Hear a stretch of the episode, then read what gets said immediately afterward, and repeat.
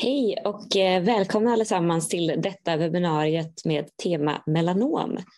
Jag vill passa på att eh, säga att ni kan skriva frågor löpande i Q&A till höger om videofönstret. Så skriv frågorna löpande där så kommer vi ta upp dem sen. Jag vill också passa på att eh, tacka våran sponsor som idag är Novartis och med det så lämnar jag över ordet till Renske. Ja, tack Elin och välkomna med och lyssnar till eh, och tittar på dagens webbinarium som kommer att handla om malignt melanom och um, som fokuserar på framtiden, eller hur Gustaf och Hildur? Um, ja. Yep, och vi har två um, väldigt bra föreläsare. Um, Hildur Helgadottir som är överläkare i onkologi på Karolinska universitetssjukhus som kommer att prata om behandling av sprid melanom, spridsjukdom och professor Gustaf Ullenhag som är överläkare i onkologi um, vid Akademiska sjukhuset i Uppsala och som kommer att prata om adjuvanta behandlingar. Um, jag hoppas att ni alla kommer att um, ställa frågor via qa chatten Då blir det mycket roligare och mer lärorikt att, uh, att lyssna och vara med på det här webbinariet. Så jag hoppas att ni utmanar våra föreläsare. Um, Hildur, vi börjar med dig. Du um, kommer att börja prata om spridsjukdom och vi hade, tyckte jag, väldigt intressant diskussion innan om vi skulle börja med spridsjukdomsbehandling eller med adjuvanta behandlingar. Men det är väl ändå det som det började med sprida behandlingar, eller hur? Så det är därför att du går först och um, varsågod. Jag är jättetacksam att du är med och har tagit dig tiden. Tack. Tack så mycket. Eh, det är väldigt trevligt att eh, få vara här och berätta om melanom. Jag hoppas ni både ser och eh, hör, hör presentationen. Men då som sagt, som, som Renske berättade, ska jag börja här med att prata om var vi står gällande behandling av metastaserat melanom. Både bakgrunden till där vi är, där vi är nu och, och vad som är våra utmaningar och ytterligare någonting som, som komma skall. För att börja med så är det ju ändå viktigt att påtala det här att eh, alla hudcancerformer, inte bara melanom, då ser vi en kraftig ökning i incidensen. Eh, hudmelanom är ju inte den vanligaste hudtumören, eh, både skivtelcancer och basalcellscancer är vanligare, men eh, just hudmelanom är ändå det som vi ser mest på onkologen eftersom av de här sjukdomarna är den som är mest benägen att sprida sig. Och eh, Också nu när vi pratar om melanom så är det ju främst eh, melanom i huden vi pratar om som är den absolut vanligaste formen. Men vi har också både slemhinnemelanom och ögonmelanom som är ovanligare men ändå ganska allvarliga typer av melanom. Om vi ser då till eh, behandlingen, den onkologiska behandlingen av melanom, så var det faktiskt så att sedan 70-talet och tills då för ja, drygt tio år sedan, då hade vi verkligen inte så mycket, utan det var, man hade provat flera olika cytostatika kombinationer, precis som man gjorde vid andra tumörformer, men mer eller mindre så var det ingenting som fungerade speciellt bra. Det som vi använde som ändå hade kanske en viss effektivitet, det var dacarbazin eller den orala analogen eh, timosolamid. Men även med denna, som då var den bästa behandlingen, så var det bara 15 procent responsrat och ett års överlevnad på 25 procent och fem års överlevnad då på mindre än 5 procent. Så det var ju där vi var under, kan man säga, egentligen flera årtionden. Eh, och sen blev det ju så som sagt eh, det här med de nya immunterapierna som blev verkligen en, en, en game changer kan man säga för melanom. Eh, som vi då haft nu i, i drygt tio år där det skett olika uppdateringar med de behandlingar och kombinationer som vi, som vi använder. Och det är för melanom är det ju då framförallt ipilimumab och sen eh, PD1-hämmaren pembrolizumab och nivolumab. Och då kan man se, det här är ju då en långtidsuppföljning på en av de viktigaste studierna då när man tittade på både CTLA4 och PD1-hämmare och sen då kombinationen. Och eh, då kunde man ju då se att med eh, uppföljning på fem år, då har vi en med bara ipilimumab 26 procent, med nivolumab 44 procent i eh, overall survival och då med kombinationen med både ipilimumab och nivolumab en överlevnad på 52 procent. Och då kan vi se att det här är ju verkligen ett stort steg från att ha gått med en eh, tumörform där vi med, med bästa behandlingen hade en femårsöverlevnad på 5 procent till att faktiskt mer än hälften av patienterna eh, har en, en, en, en, en långtidsöverlevnad, le, lever fortfarande efter, efter fem år. Men, men också med det sagt att även om det här är, är, stora framsteg så är det fortfarande hälften av patienterna som inte överlever eh, med eh, den här behandlingen. Och så är det ju så att i studierna är det ju ofta patienter som kanske inte är riktigt lika bra skick som de som vi ser på, på behandlingen.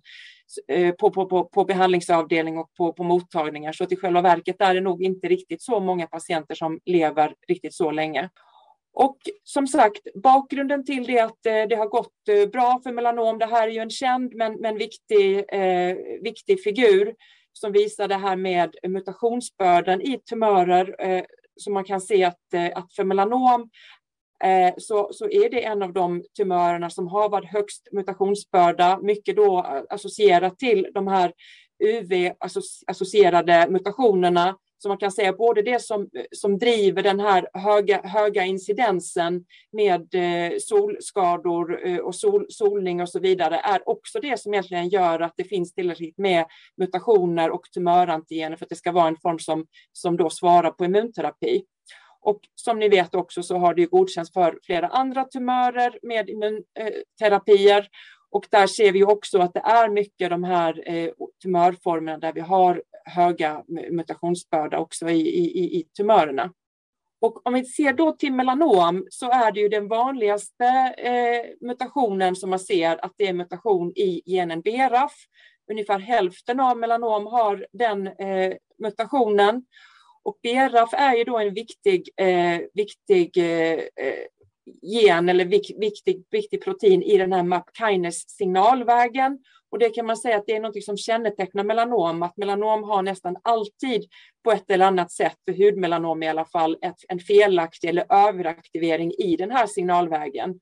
Eh, antingen BRAF eller ändras eller andra felaktigheter som gör att den här eh, signalvägen eh, blir överaktiverad. Och har man då den här mutationen då är man också kandidat för målriktad behandling med BRAF-hämmare som idag ges också i kombination med MEC-hämmare för att, eh, för att minska den resistensutbildning som man ändå ofta ser eh, med de här behandlingarna. Och eh, det här är också då likartad bild med långtidsöverlevnad med kombinationsbehandling med BRAF och MEC-hämmare. Och då ser man ju då här att, eh, att med eh, fem års behandling, då har vi här en, eh, en, en, en femårsöverlevnad på cirka 5 procent. Så att för att sammanfatta så här har det då sett, man kan ju kalla nästan de här tio senaste åren för golden decade för melanom för att vi har haft så mycket som har hänt med, med nya behandlingar.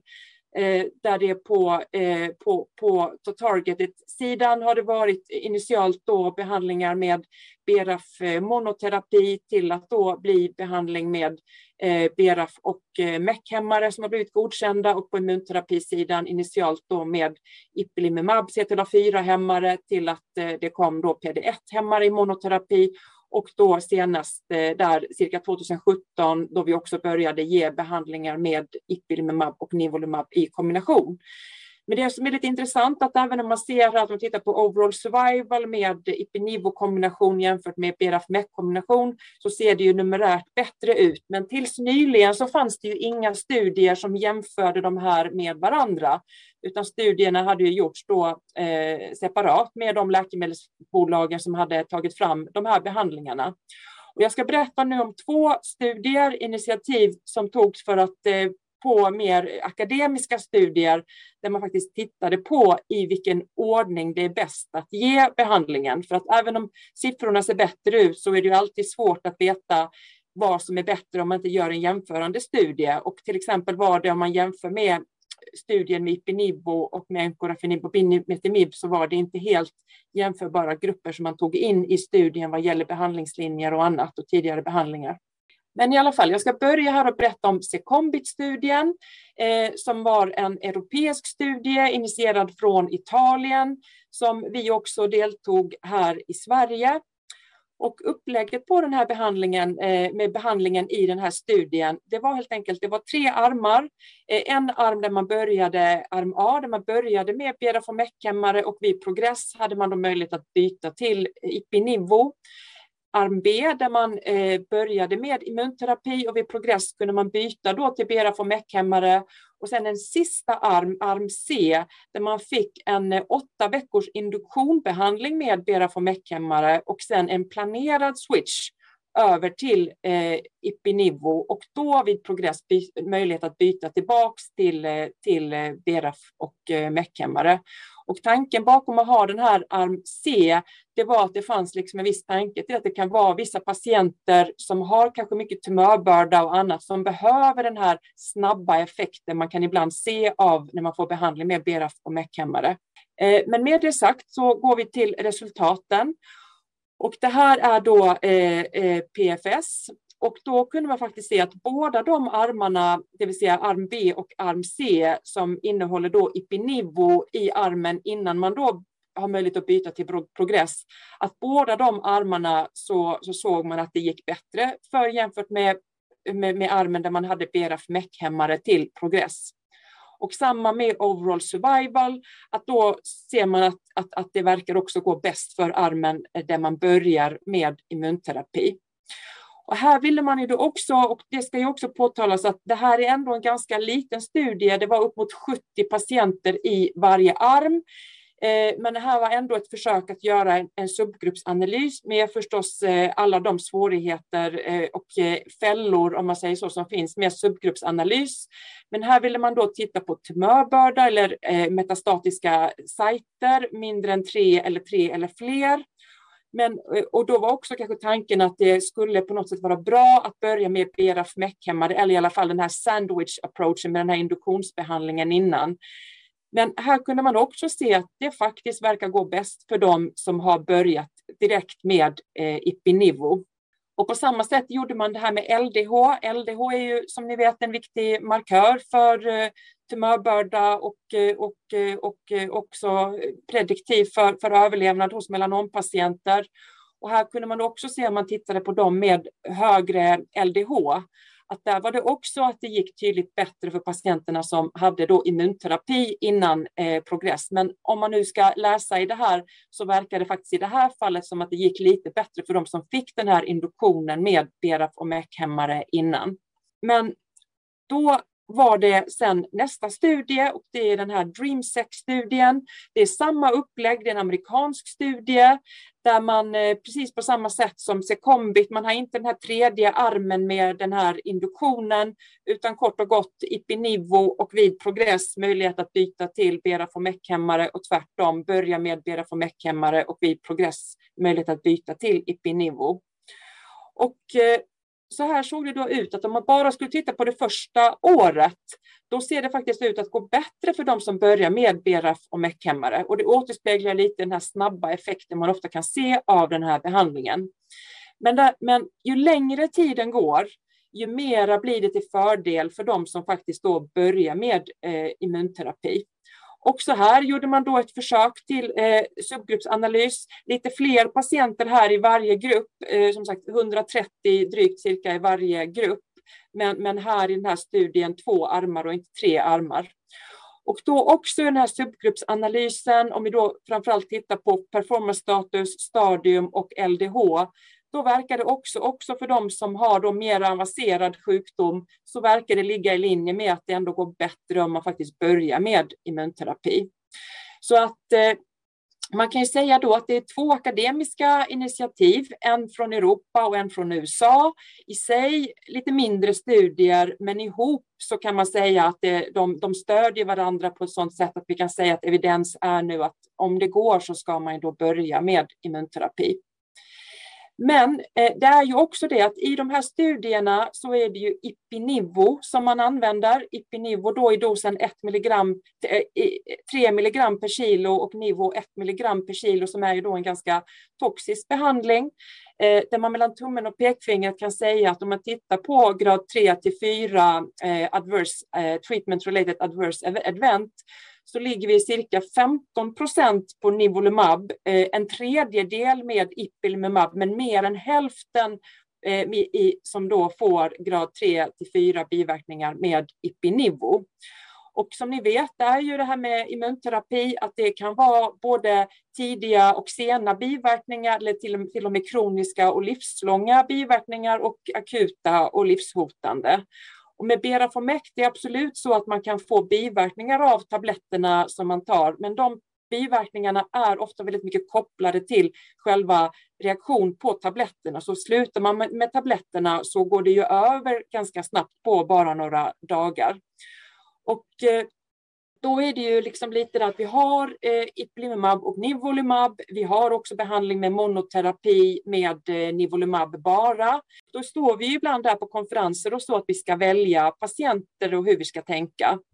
Och då ytterligare om vi har en subgruppsanalys att eh, luta oss lite på här. Det här är också då eh, från 067-studien, Checkmate 067-studien Eh, där man då tittar på eh, hur det ser ut med fördel att ge Ipinivo eller att bara ge monoterapi med Nivolumab.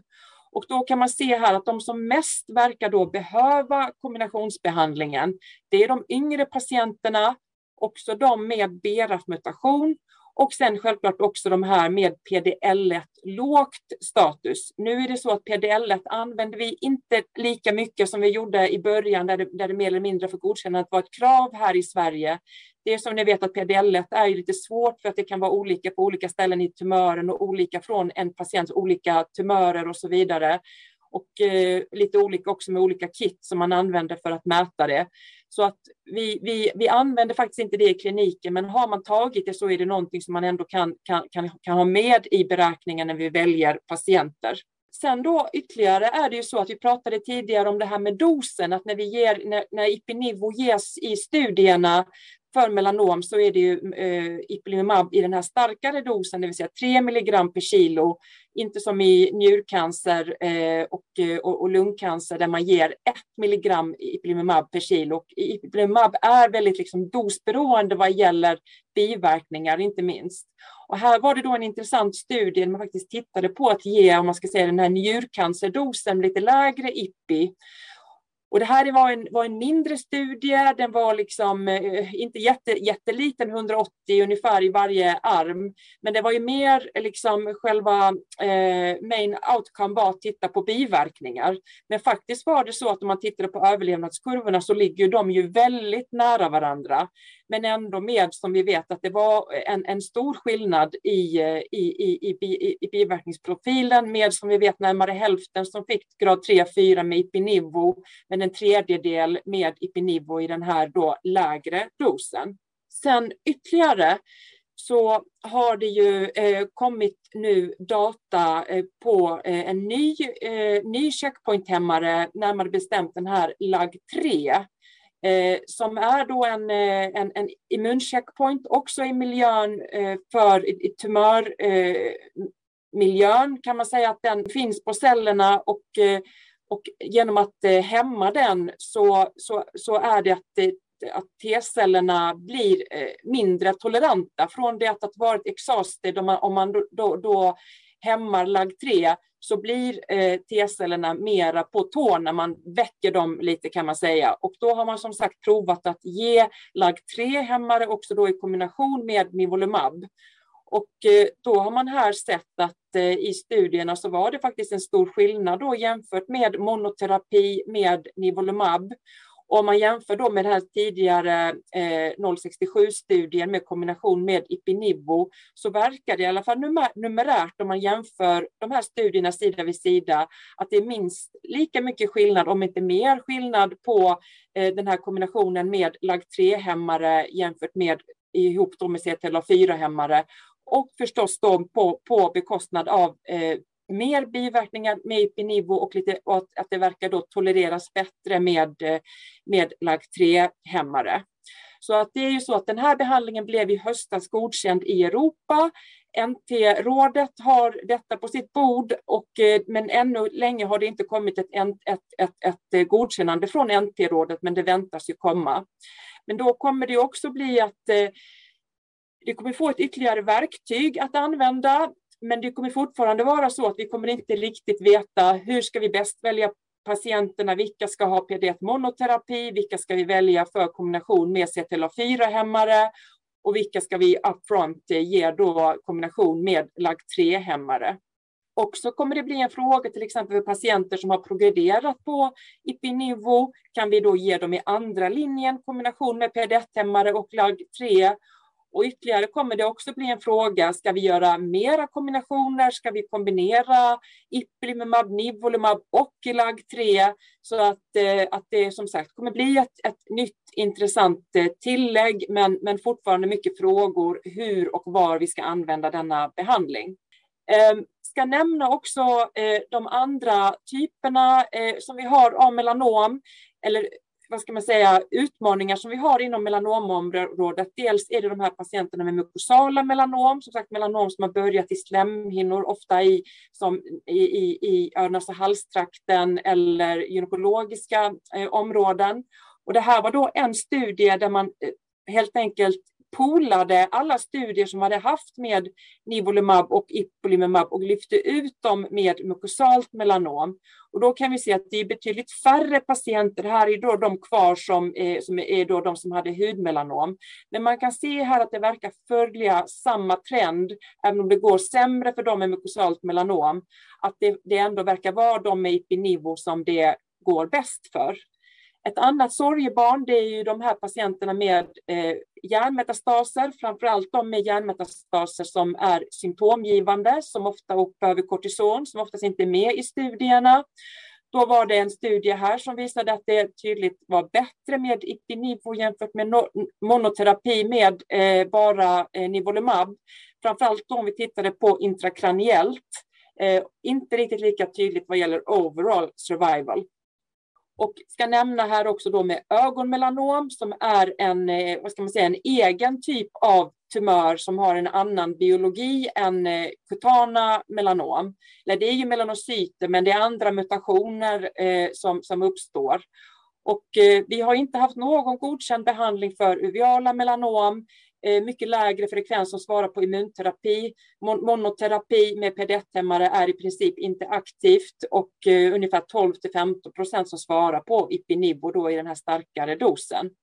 Men nu nyligen så har det kommit då studier som visar att den här Tabenta FUSP som är ett bispecifikt protein som mer eller mindre tvingar ihop eh, cancercellen med, eh, med T-cellerna genom att, eh, att targeta både HLA2 eh, med, som presenterar eh, melanomantigen och mot då eh, CD3 på, på T-cellerna så att det mer eller mindre tvingar dem att eh, arbeta ihop. Och för första gången har man då sett här en, en påverkan, positiv eh, inverkan på overall survival Eh, fortfarande är denna behandling inte godkänd i Sverige. Det är en betydligt mer komplicerad eh, behandling, inneliggande behandling, eh, liksom mycket mer frekvent och en hel del akuta biverkningar som mycket övervakning, det cytokinrelease och, och hudbiverkningar som vi ser och dessutom en betydligt dyrare behandling. Så att eh, vi vet inte riktigt hur det kommer att bli, men det är i alla fall ett intressant eh, behandlingskoncept.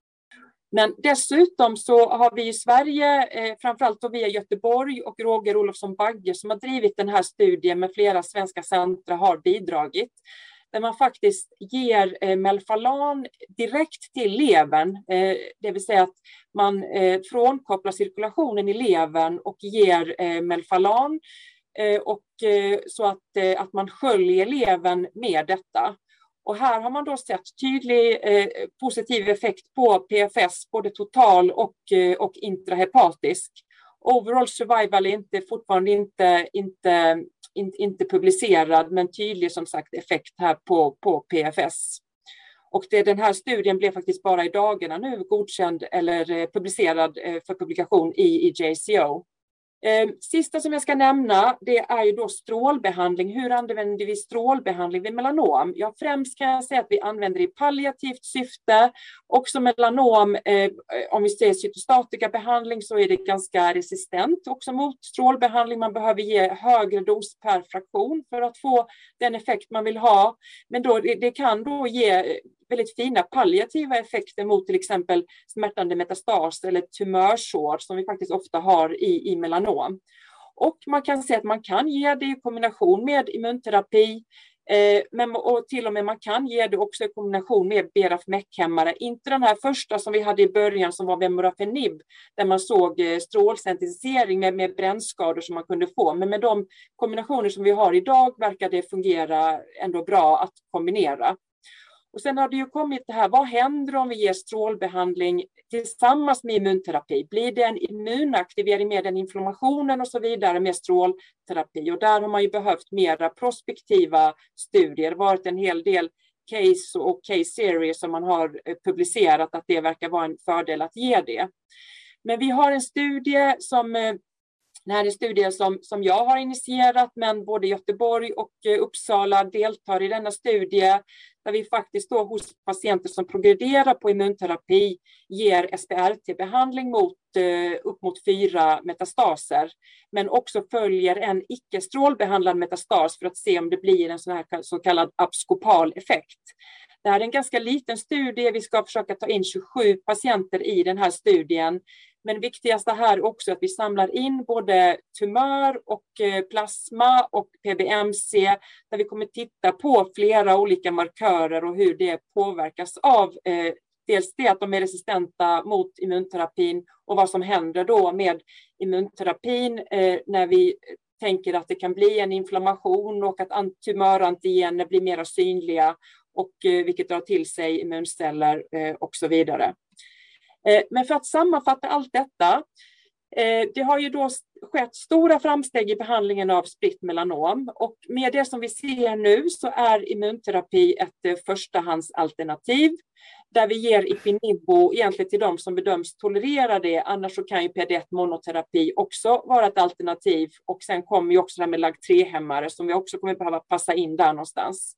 BRAF-MEK-hämmare är en värdefull behandling att ha i, framförallt i andra linjen där det kan ge snabb effekt och symptomlindring, men oftast ändå temporär effekt tills den här resistensen kommer. Men BRAF-MEK kan också vara ett alternativ i första linjen, framför allt då för de här patienterna som inte eh, kan få eh, immunterapi på grund av transplantation eller svår autoimmunitet, men också för de här patienterna som i princip inte är med i studierna de med symptomgivande sjukdom, EKOG mer än ett, högt LDH, symptomgivande CNS-metastaser eller kortisonbehandling som de då behöver ha.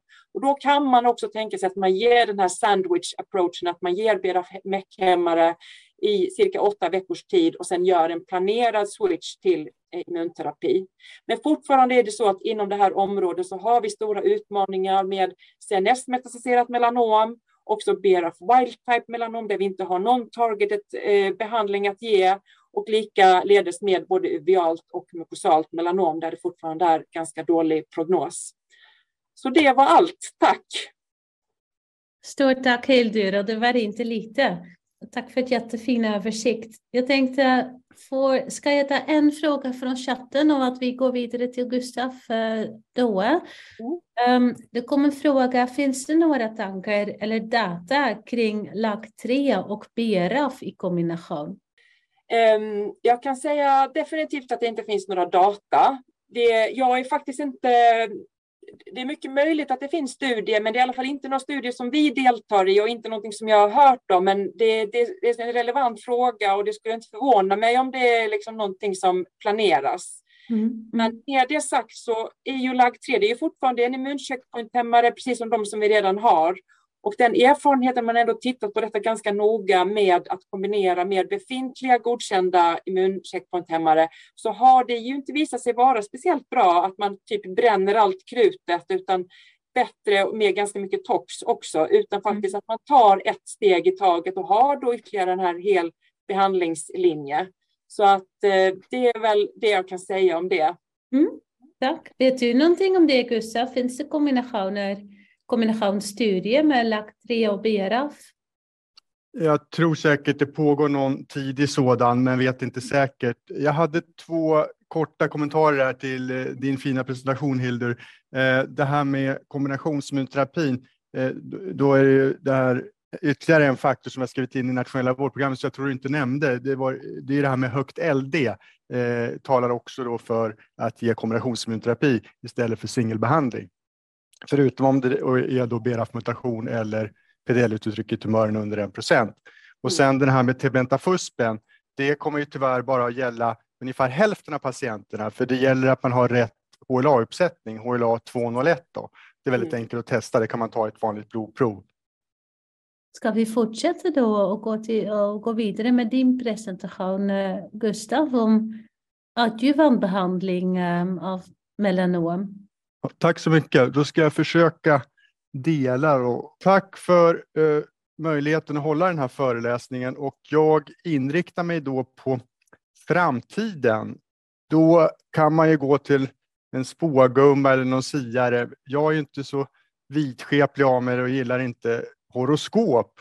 Och eh, då gjorde jag så att jag framför allt eh, gick in och kollade på clinicaltrials.gov där alla studier eh, som pågår ska vara registrerade eh, och sökte då på potentiellt registreringsgrundande studier, det vill säga fas 3, eh, melanom adjuvant och då fick jag ja, 27 träffar. Tittar man genom alla dem så var det knappt en tredjedel som verkligen var fas 3-studier. Så jag kommer att gå in på dem, Eh, men inte bara det. Och då tänkte jag olika viktiga frågeställningar här eh, som vi faktiskt inte riktigt har svar på. En sån här grundfrågeställning är om eh, behandlingen förlänger totalöverlevnaden. Och vad det gäller checkpointhämmare, adjuvant, då har vi flera studier, inte minst med Link melanom. Men jag, jag, ska visa här att vi faktiskt inte vet säkert detta. Eh, och det innebär ju också att de andra cancerna där vi ger adjuvantbehandling idag, de har varit igång ännu kortare, så där vet vi ännu mindre så att säga om vi verkligen får en totalöverlevnadsvinst. Sen en annan fråga är förstås vilka läkemedel som är bäst att ge i den adjuvanta eller och nyadjuvanta situationen. Och här pågår studier för att eh, förhoppningsvis förbättra ytterligare. En annan viktig fråga tycker jag är om det har betydelse när adjuvantbehandlingen startar. Vi vet vid kemoterapi, Eh, exemplet kolorektal cancer, att det är klart bättre att starta någorlunda tidigt. Efter sex veckor postoperativt är det bättre än om man väntar lite längre och väntar man flera månader så är det ingen idé att ge behandlingen. Eh, nu finns det, vad jag vet, en studie som har tittat på det här vid GI-cancer och checkpointhämmare eh, och då verkar det som att det var dåligt att starta tidigt och då kan man undra hur det kan komma sig. Och då har man diskuterat att det skulle vara att man har startat patienterna innan de har hunnit återhämta sig. Men jag efterfrågar den här analysen från företagen som driver studierna. Jag har, inte, jag har inte sett detta än om det har betydelse. I studierna har man startat då inom 12-13 veckor. Sen kan man naturligtvis fråga sig vilken den optimala behandlingslängden är. Standard i studierna med checkpointhämmare, det är ett år. Men det är ju inte hugget i sten. Det kanske skulle vara lite bättre om man gav längre. Det kanske skulle gå lika bra att ge ett halvår. Eh, det kan också vara så att eh, man ska titta på möjligen svaret när man ger neoadjuvantbehandling och utifrån det bestämma eh, hur mycket adjuvantbehandling man ska ge eller om man ens ska ge någon. Och då har jag en figur här på den enda adjuvantstudien vid malignt melanom som har påvisat en signifikant bättre totalöverlevnad. Och det här var alltså ipilimumab då mot sockerpiller och efter många år så eh, är det ganska stor skillnad, 11 procentenheter. Så behandlar man nio patienter så räddar man livet på en. Men då är det ett klart problem med den här studien. Det var att när den gjordes så var inte PD1-hämmarna tillgängliga. Så frågan är vad de här kurvorna skulle ha visat då om patienterna efter återfall hade kunnat få PD1-hämmare. Och nu ber jag om ursäkt för den här lite suddig, men det här är en halv år gammal bild. Det är alltså uppdatering på en väldigt viktig studie och då är det alltså placebo mot eh, PD1-hämmare, eh, adjuvant eh, stadium 3.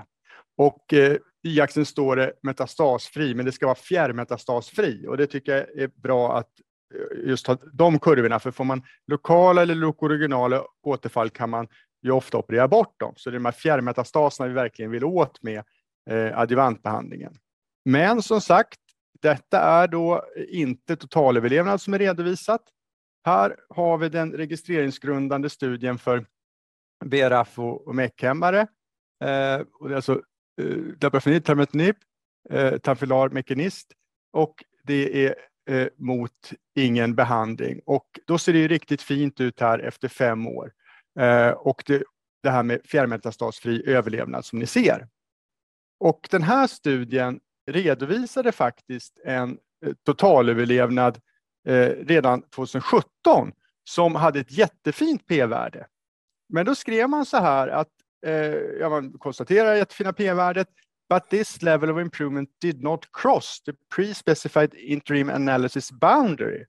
Så att det klarade inte gränsen för statistiskt signifikant utifrån vad man hade bestämt från början. Så här finns också ett frågetecken. Och eh, då undrar man ju när 17 kommer de här data och den här med pembrolizumab sockerpiller, alltså Keynote 54, det har skjutit upp då att man har sagt att det borde komma eh, som till hösten som var och så nu har man pratat om i slutet av det här året. Eh, och eh, nu var det eh, ytterligare ett budskap för ett par månader sedan. Det var ett möte som du och jag var med på Hilde där du sa att det kanske dröjer ända till 2026. Eh, och så, så att eh, man, det här är frustrerande och eh, eh, det här handlar ju om antal händelser. Det ska vara ett visst antal händelser i de här studierna för att man ska göra den slutgiltiga analysen och händelser är ju då ja, dödsfall. Och Kombi AD då, alltså den här Beraf Meckhammar-studien. där kom det ett eh, meddelande bara häromdagen att eh, man, det här kommer snart. Antingen då när det har varit 260 händelser nu ligger man på typ 252. Men om det inte har skett juli i år, då gör man den här analysen. Så här vet vi mer när vi kommer att få data. Men, och då är frågan vad det här kommer att visa förstås. Och eh, eh, jag menar, kan det vara samma patienter som har nytta av eh, eh adjuvantbehandlingen? Är det samma patienter som går i komplett remission på immunterapi? Och det är ungefär en på fem i studierna. Eh, och då kan man fråga sig om de här resultaten kommer det ändra vår behandlingspraxis? Visar det på eh, signifikant förlängd totalöverlevnad, ja då fortsätter vi att behandla och det är framförallt då, de behandlar det framförallt de med makroskopisk stadium 3-sjukdom. Men om det inte visar signifikans, då, måste, då blir det nog en stor diskussion i fältet. Det är klart patienterna vill inte ha återfall, men det, det är ju ändå Eh, totalöverlevnaden vi vill åt och vi behandlar i så fall vi behandlar även om vi har en riktig vinst många patienter i onödan. Och sen har vi det här med eh, lymfocyt eh, antigen 3-hämmare eh, och då är det alltså första bilden jag visar på de här fas 3-studierna som rekryterar i nuläget. Och då är alla uppbyggda på samma sätt så att det är överst så är det standardarmen och sen är det experimentarmen och alla studierna är tätt randomisering. Det är två armar och lika många i varje arm. Sen här så kommer det att stå vad det är för stadie hur många patienter. Längst ner har ni det här eh, National eh, Clinical Trial, alltså eh, numret som ni kan slå in på Google och läsa mer om, om detta, eller om ni går in via Clinical Trials förstås. Och då vill man naturligtvis testa Eh, det här eh, adjuvant, eh, det här som du Hilde pratar om med relatlimabben, som vi vet åtminstone bra vad det gäller förlänga progressionsöverlevnad. Och det är en av de här relativitetsstudierna då, Relativity. Och den eh, går ju bland annat hos er då, Hildur, här i Sverige. Va? Och eh, sen har vi eh, den här studien som är då PD1-hämmare. I rubriken har jag skrivit mera grupper, men här nere exakt vad drogerna heter. Då, va?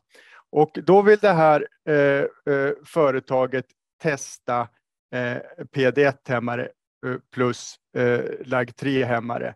Eh, och då vill ni använda sin egen PD1-hämmare. Så standardarmen är ju då pembrolizumab, Keytruda och här nere då Liptajo, Semiplimab och Fianlimab som inte har något eh, annat namn än något försäljningsnamn än. Men det finns alltså flera LAG3-MR och det här är en till som testas i en riktigt stor studie. Och här har vi en till eh, och då är det eh, så kallad TIGIT-hämmare och eh, den heter eh, Bibustolimab Eh, och det är jättemånga patienter som ni ser. Den har helt nyligen startats och det är det här konceptet som vi har vid våra antikroppar idag, att den eh, hämmar inhibitionen så man får en aktivering så att vi får ingen eh, eh, eh vi får ingen bindning här till liganderna CD112, CD155 cluster designation från då den här vibostulimabben, den blockeras och eh, vi får alltså en, eh, förhoppningsvis en bättre aktivering. När jag läser om de tidigare studierna här så det verkar det tyvärr vara ungefär dubbelt så mycket grad 3-4 biverkningar när man lägger till vibostulimabben, men vi får, får se förstås. Vi hoppas på det bästa. Och eh, sen eh, vad det gäller BRAF-väckhämmare, där hittade jag en studie och eh, eh, då är det den här gruppen med tjocka eh, melanom då, utan lymfkörtelspridning. Det är den man har satsat på. För då är det fråga om att ge eh, binimetinib, comimetinib, alltså Braftovi, Mektovi, Braftovi, Mektovi, de franska uttalen, eller eh, sockerpiller här. Eh, och den här kallar man för Columbus AD, för den hette Columbus, den här kombinationen, den stora studien vid spridd sjukdom. AD är då eh, adjuvant. Va? Och eh, sen eh, är det faktiskt en som satsa på ögonmelanom. Och då är, det är få patienter för att vara en fas 3, men det är en fas 3. Och den eh, Stockholm då, som har startat den här Sankt Eriks, 100 patienter är tanken randomisering mellan standarduppföljning och enligt det nationella vårdprogrammet är det kontroll av levern en gång i halvåret upp till fem år. Det kan vara ultraljud eller datortomografiundersökning.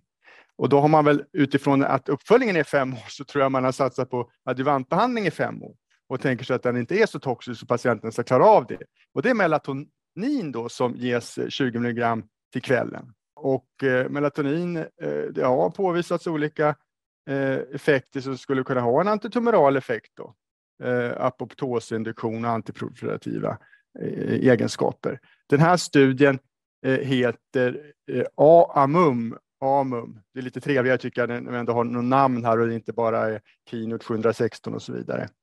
Och, och då är det adjuvant melatonin eh, vid uvealt melanom, så det kanske man kan komma ihåg också. Och det är så att ungefär hälften av patienterna recidiverar och predilektionsställe är ju levern. Då kommer vi in på detta med neoadjuvant behandling som vi alltså rekommenderar enligt nationella vårdprogrammet sedan ett eh, halvår tillbaka. På basen av en fas 2 faktiskt, men den var stor, där 150-tal patienter visar höggradigt signifikanta resultat vid två år eh, vad det gäller händelser och händelser är framför allt återfall. Och då är det 23 procentenheter bättre om man har fått neoadjuvant behandling mot att få adjuvant behandling endast. Så det enda man har gjort i studien är att flyttat på operationen. Att man i den neoadjuvanta armen ger ett par månaders behandling med checkpointhämmare.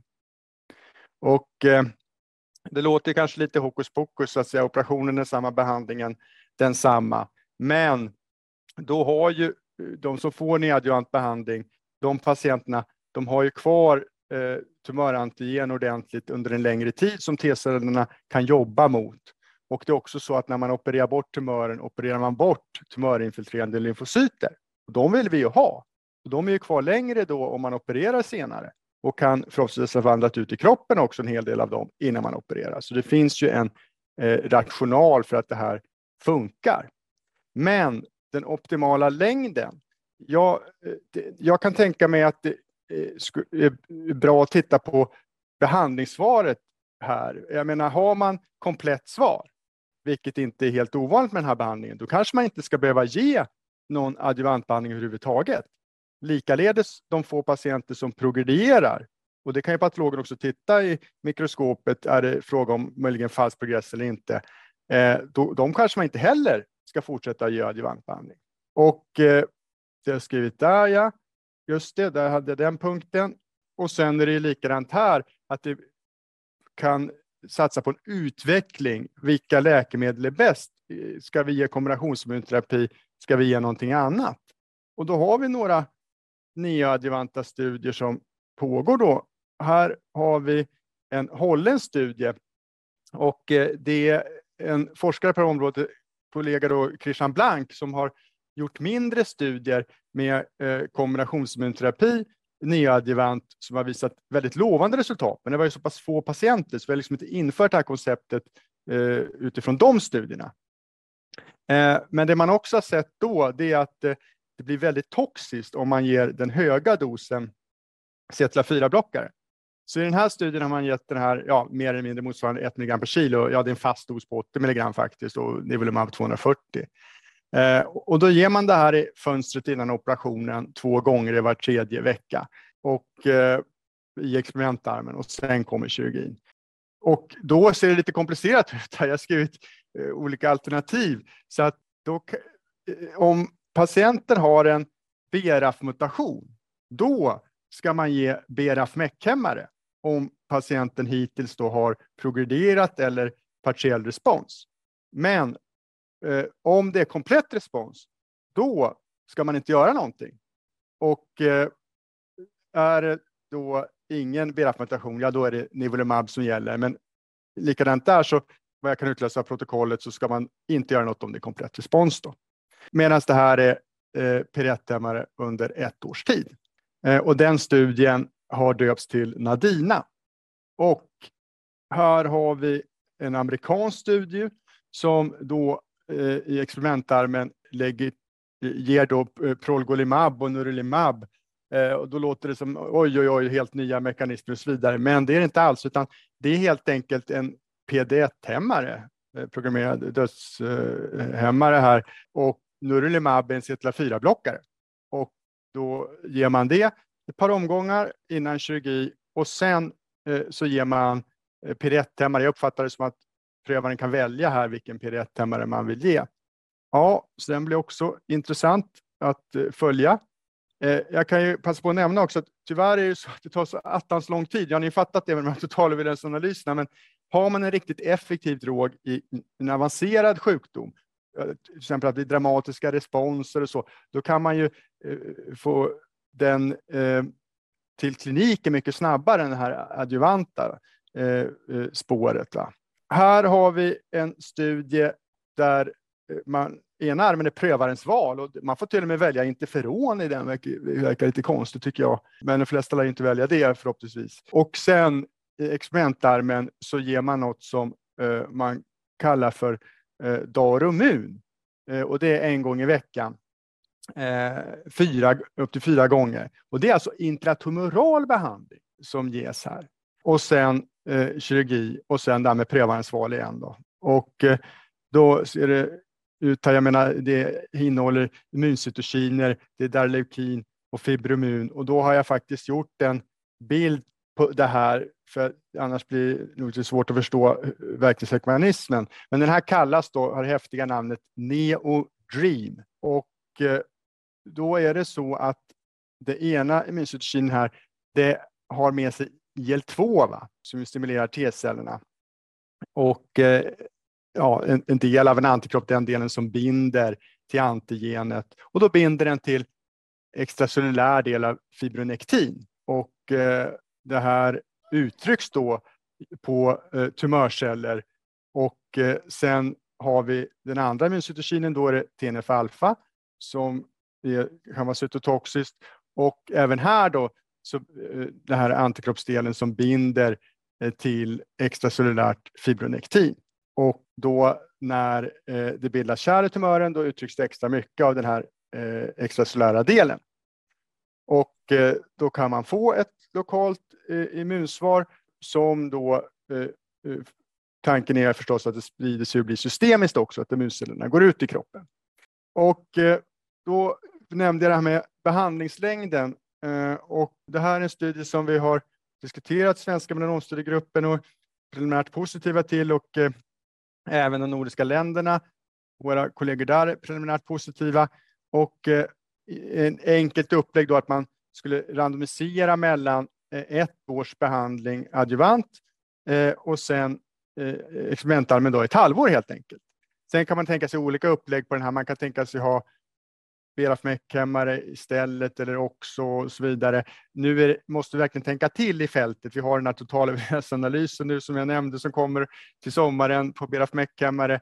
Vi har det här med nya adjuvanta alltså som nu är etablerat och så här. Va? Så att eh, vi, vi, måste tänka till att det blir så bra som möjligt. För det, det är väldigt spännande fält med melanom, men det händer, att det händer saker så snabbt och ofta gör ju också att studier kan bli obsoleta så att säga. Och i alla fall så, ja, så ha, ja, då hade jag en önskelista till här med några frågor eh, och där har jag skrivit vid adjuvantbehandling.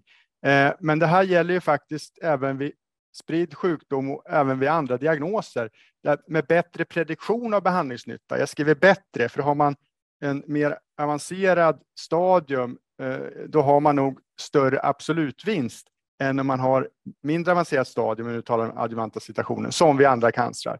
Men vi skulle ju vilja ha eh, veta mer. Man kanske ska kolla tumör-DNA i blodet och de som har det, de ska man ge adjuvantbehandling.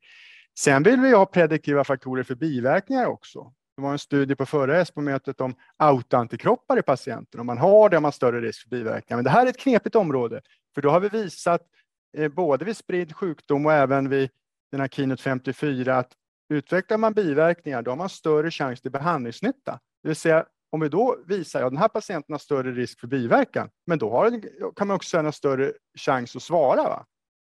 Då kanske man ändå ska ge behandling men följa patienten noggrannare. Och sen vill vi ju när vi ger behandlingen, vi vill ha färre biverkningar, va? försöka motverka under tiden och vi kan då ge mindre toxiska droger möjligen, som ju Hildur visar på ett bra sätt här med relatlimabben om man jämför den med ipilimumab, eller man ger, som du också visade Hildur, med ipilimumab i lägre dos, en tredjedels dos mot den ursprungliga. Man kan också tänka sig förebyggande medicinering som Roactemra, eh, då, som visat i en fas 2-studie att eh, det kan faktiskt eh, eh, påtagligt minska risken för biverkningar. De kanske kan behandla längre och få en bättre effekt. Det är alltså en IL-6-receptorblockare, tocilizumab. Sen enklare administrering, det handlar ju framför allt om subkutan beredning som jag tänker mig, som har börjat komma in och ni vet själva med andra antikroppar, trastuzumab, rituximab. Och då är det, har jag bara ett par bilder kvar, och då vill jag i alla fall nämna det här med immunstimulerande genterapi som vi har behandlat många, ganska många patienter i Uppsala, 16 stycken, med upprepade injektioner upp till 12 gånger. Det här är ju spridd sjukdom nu, men, men det här eh, konceptet med intratumoral det såg ni att det var en pågående studie också. Eh, och det här viruset kodar då för ett par olika immunstimulerande gener. Vi hoppas på en systemisk effekt. Och vi har en tumörlys då. Det är ju bra att tumörcellerna går sönder. Framförallt så bästa effekten med här är nog att det leder till ökad antigenpresentation. Och då kommer jag till den sista bilden. För och nu ska vi försöka få igång en minivideo på 30 sekunder. UV radiation from the sun damages unprotected skin. Over time, too much UV can cause melanoma, the most common cancer among young Australians. And under your skin, it can spread to your bones, lungs, heart and brain. Protect your skin. Tack så mycket. Jag svarar gärna på frågor eller diskuterar med Hildur här om, om vi har tid. Några få minuter. Mm. Stort tack Gustav för väldigt fin och um, spännande framåtblick. Jag, jag undrade, är det baserat på den fas 2-studien um, ehm, som, som, du, som du nämnde som publicerades för några veckor sedan om neoadjuvant versus enbart mm. adjuvant immunterapi. Är det, det, är helt korrekt. Eh, många gånger så publiceras studien under själva vetenskapliga mötet, till samma mm. Men det gjordes inte här. Det här är ju inte en företagssponsrad studie i första hand, var förstår en akademisk, alltså SWOG-gruppen i USA med Patel som första namn. Men eh, jag tror att både, ja, vi var på plats bägge två när det här presenterades i Paris då. Eh, och det var, ja, det var häftigt att, se och, och höra. Men, men tror du att, um, tycker du att det är fortfarande etiskt att ha en adjuvant studie som kontrollarm i, i de där studier som du visade? Ja, det var en sak jag, om jag hade haft lite mer tid att ta upp alltså, för att det här, nu tolkar ju världen data olika. Och det är klart mm. att man vill gärna slutföra en studie då man har många inkluderar att den blir bra och så vidare. Och då får man ännu säkrare evidens. Men eh, det är en helt, jag tycker helt berättigad fråga då och eh, jag menar, nu har vi i Sverige valt att införa det här som rutinbehandling och då skulle det ju vara som jag ser det orimligt att ha den studien gående i Sverige i alla fall. Om man har ett annat land som gör en annan tolkning, att nej, vi behöver mer data, ja, och eh, kritiken är ju att det är en fas 2, vi har begränsad tid med uppföljning i uppföljningen. Vi har inte totalöverlevnad där heller så att säga. Men det är klart mm. om man tittar på den här starka kurvorna som, som, när man ser dem och man tänker klart att man vill ge det här, man skulle vilja ha det själv som patient. Så känns det och det är ingen ökad kostnad. Eh, vi, vi, kunde agera väldigt fort här. Vi behövde mm. inte en nationellt godkännande, inget nytt läkemedel, in, ingen procedur som gav en ökad kostnad. Mm. Ja, det var också en fråga i chatten. Um, som skrevs om, om, det, om det är något krav från NT-rådet till exempel att följa patienter som nu får neo eller periadjuvant behandling eller perioperativ behandling med, med tanke precis på det här som du lyfter, att det är en fast studie med mm. begränsad mm. uppföljning. Ja, det, det, är inte något som de eh, har sagt. Men vi, du, inte minst du och jag Hilde, vill ju att vi registrerar så mycket som möjligt i den här IPÖ som vi håller på att bygga upp. in, eh, då, eh, det är andra diagnoser också. Sen är man ju frustrerad att det tar så pass lång tid och så vidare. Det gäller ju inte bara att registrera en gång, det gäller uppföljande eh, besök och så vidare. Så det här är ju en stor utmaning med en högsta prioritet. Mm. Sen tänkte jag också bara liksom också kommentera att att det är ju ändå så att majoriteten av våra stadium 3-patienter är ju inte några, några kandidater för eh, neoadjuvant behandling. För den största delen av våra eh, stadium 3-patienter är sådana där eh, lymfkörtelmetastasen identifieras i och med operationen med Sentinel Node. Så då har man liksom inte det fönstret att ge någon neoadjuvant behandling. Så den gruppen som har kliniska metastaser, som är då den här gruppen för neoadjuvant, det är faktiskt en mindre del av våra patienter i stadium 3 eller ja, tidigt stadium 4. Mm. Och det Hildur är ju då något som vi faktiskt inte riktigt vet antalet på, för att i vårt register registreras det ju stadiet från början. Det här brukar ju vara eh, någon som kommer sen med ett återfall inom två, tre år så att säga. Så att det är också en sak vi liksom vill få ögonen på eh, då i den här registreringen. Hur många är detta egentligen då? Av alla andra frågor. Så att säga. Mm. Ja, det är um, tio sekunder i ett. Så jag tror att vi kommer att avsluta nu. Men stort tack till er båda, Hildur och Gustav, för utmärkta och inspirerande föreläsningar om ett ämne som, som är mycket relevant. Och, um, jag hoppas och tror att uh, alla som lyssnade har lärt sig mycket om, om det här området. Så stort tack igen. Mm, tack det. Um, och tack Elin, och du får sista ordet då. Ja, tack så mycket Renske. Passa på att gå in på eh, medevents.se onkologi för att se eh, och anmäla våra kommande möten som kommer där. Eh, jag vill också passa på att tacka vår sponsor än igen som idag var Novartis och önska er en fortsatt fin dag. Ha det bra!